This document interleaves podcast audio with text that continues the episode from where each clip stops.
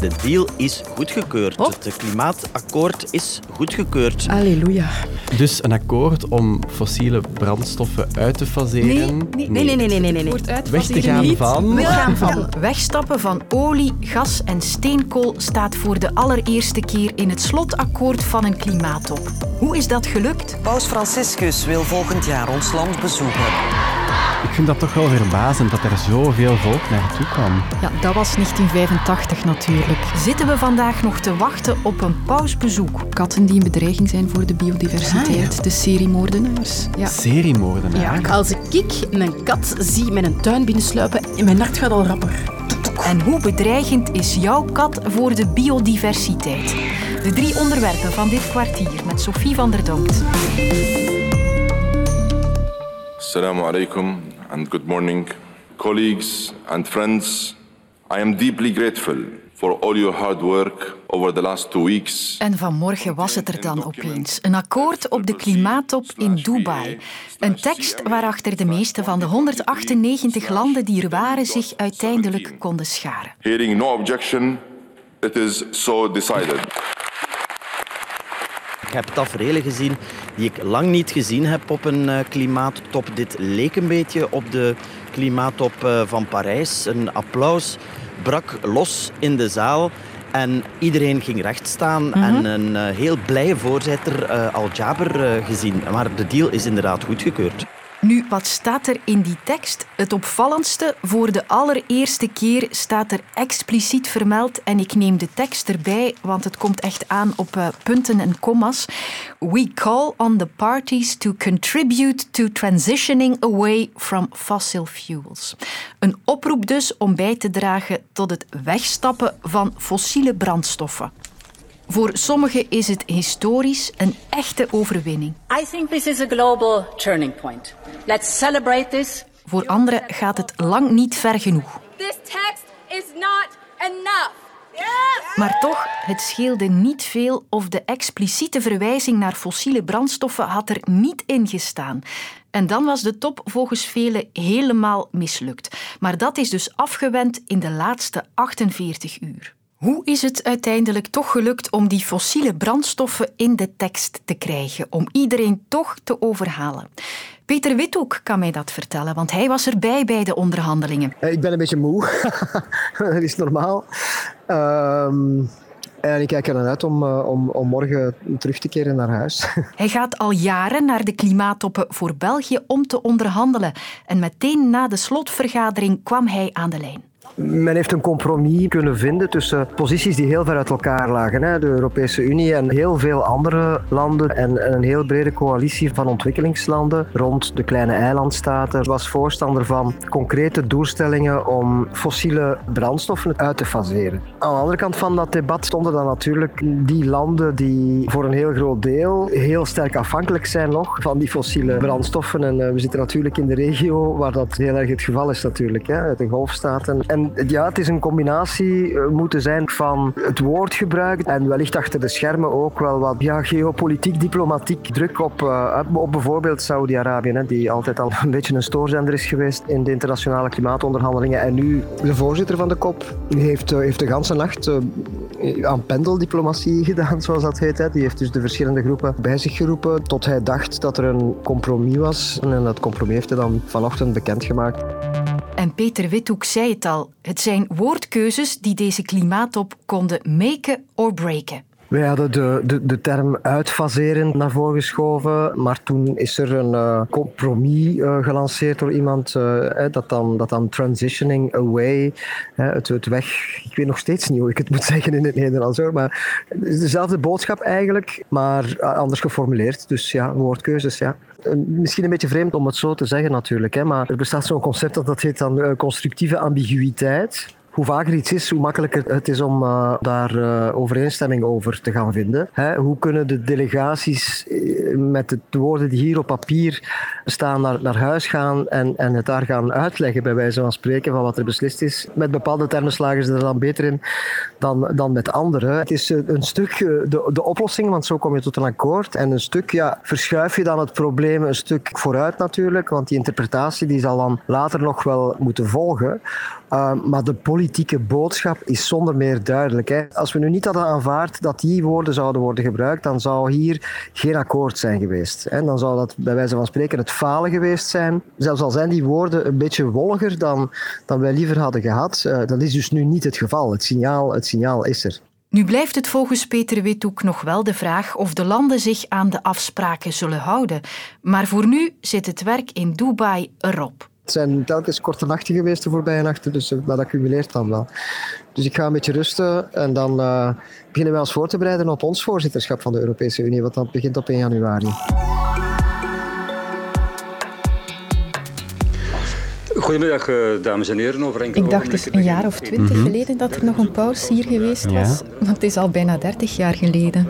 En het allereerste, daar heb ik zelf geen actieve herinnering meer aan, maar dat was in 85. Dat was een enorm evenement in die tijd. Ja? De Rijkswacht meldt ons nu al dat er 150.000 mensen zouden verzameld zijn in Sint-Denijs-Westerum. Ook Werchter is er niks tegen. Hè? Een misviering voor 150.000 mensen. Amai, dat is echt een andere tijd gewoon. Hoor je wat ze daar scanderen? Leven de paus? Leven de paus, ja. leven de paus. Ik ben blij dat gij met zoveel naar hier gekomen zijt. En dan in 1994 was het de bedoeling dat hij terug zou komen voor de zaligverklaring van uh, Pater Damiaan. Dus alles voorbereid in Tremelo voor het bezoek van de paus in 1994. Ja. En dan... Paus Johannes Paulus II kan volgende maand niet naar België komen om Pater Damiaan zalig te verklaren. De paus is hij was gevallen in zijn badkamer. Een beenbreuk. Maar dus iedereen met de handen in het haar, want er was al verschrikkelijk veel voorbereid. Amai, die tribunes stonden daar al. Ja. Um, hoe gaan we dat aankondigen? Dat, uh, Veel teleurstelling. Voorlopig uitgesteld. uitgesteld. En dan is er een jaar later, in 1995, een kleiner, ingekorter bezoek gekomen. En dat was het laatste pausbezoek. Hè? Ja, want zijn opvolger Benedictus is niet naar België gekomen, maar de huidige paus Franciscus, die eind van de week trouwens 87 wordt, heeft in 2024 wel een bezoek in zijn agenda staan. Peter de Kroebelen, jij volgt het reilen en zeilen in de kerk voor ons. Wat is de aanleiding? Wel, hij komt om het 600-jarig eh, bestaan van de KU Leuven te vieren en ook uh, de UCL, de tegenhanger in Louvain-la-Neuve. Ze hadden daar ja, eerder al toe verzocht. De Belgische bisschoppen steunden ook die vraag. En een paar maanden geleden was koning Filip in het Vaticaan op bezoek bij de paus en hij heeft bij de paus die vraag nog eens geformuleerd. En blijkbaar is dat allemaal overtuigend genoeg geweest voor de paus om te zeggen ja, ik kom langs in België, in Leuven in 2024. Nu, de paus kan er niet omheen dat de kerk de laatste jaren vaak in een kwaad daglicht is gekomen door het misbruik van geestelijken.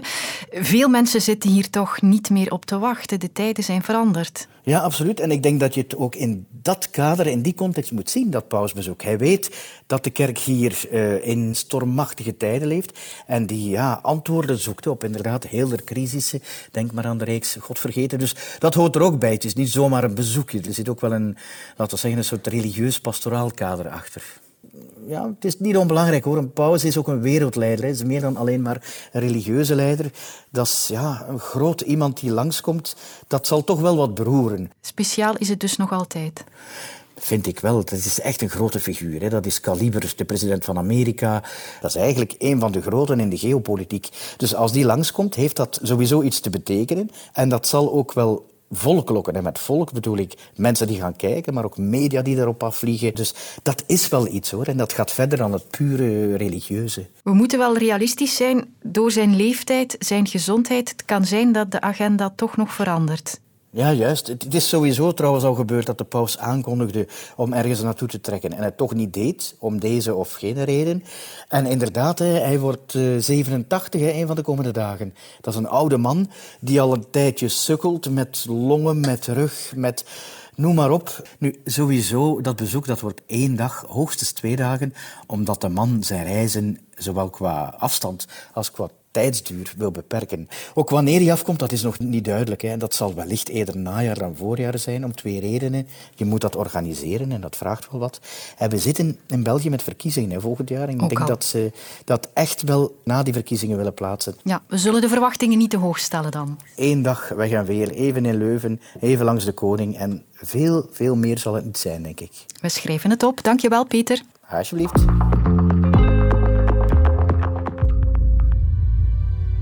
De huiskat. 9000 jaar al leeft ze samen met de mens. Over de woeste golven van de oceanen werd ze over de aardbol verspreid, tot in de verste hoeken van de continenten. Enkel in het onherbergzame barkoude Antarctica komen geen katten voor. Katten zijn de meest verspreide dieren ter wereld, maar hun aanwezigheid staat ter discussie. Zijn ze de beste vrienden van de mens? Of is dit de harde waarheid? Katten behoren tot de meest problematische diersoorten ter wereld.